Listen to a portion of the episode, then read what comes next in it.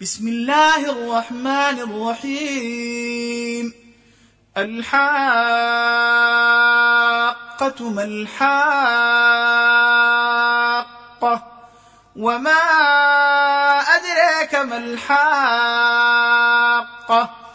كذب الثمود وعاد بالقارعة فأما ثمود فأهلكوا بالطاغية وأما عاد فأهلكوا بريح صرصر عاتية سخرها عليهم سبع ليال وثمانية أيام حسوما فترى القوم فيها صرعى كأنهم أعجاز نخل خاوية فهل ترى لهم من باقية وجاء فرعون ومن قبله والمؤتفكات بالخاطئة فعصوا رسول ربهم فأخذهم أخذة رابية.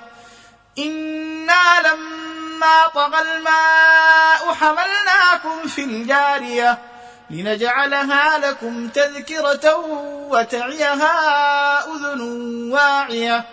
فإذا نفخ في الصور نفخة واحدة وحملت الأرض والجبال فدكتا دكة واحدة فيومئذ وقعت الواقعة وانشقت السماء فهي يومئذ واهية والملك على أرجائها ويحمل عرش ربك فوقهم يومئذ ثمانية يومئذ تعرضون لا تخفى منكم خافية. فأما من أوتي كتابه بيمينه فيقول هاؤم اقرءوا كتابيه. إني ظننت أني ملاق حسابيه. فهو في عيشة راضية في جنة عالية قطوفها دانية.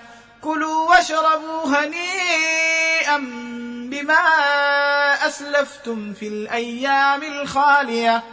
وأما من أوتي كتابه بشماله فيقول يا ليتني لم أوت كتابيه ولم أدر ما حسابيه. يا ليتها كانت القاضية. ما أغنى عني ماليه. هلك عني سلطانية خذوه فغلوه ثم الجحيم صلوه ثم في سلسلة ذرعها سبعون ذراعا فاسلكوه. إنه كان لا يؤمن بالله العظيم ولا يحض على طعام المسكين فليس له اليوم هاهنا حميم. ولا طعام إلا من غسلين لا يأكله إلا الخاطئون. فلا أقسم بما تبصرون وما لا تبصرون. إنه لقول رسول كريم.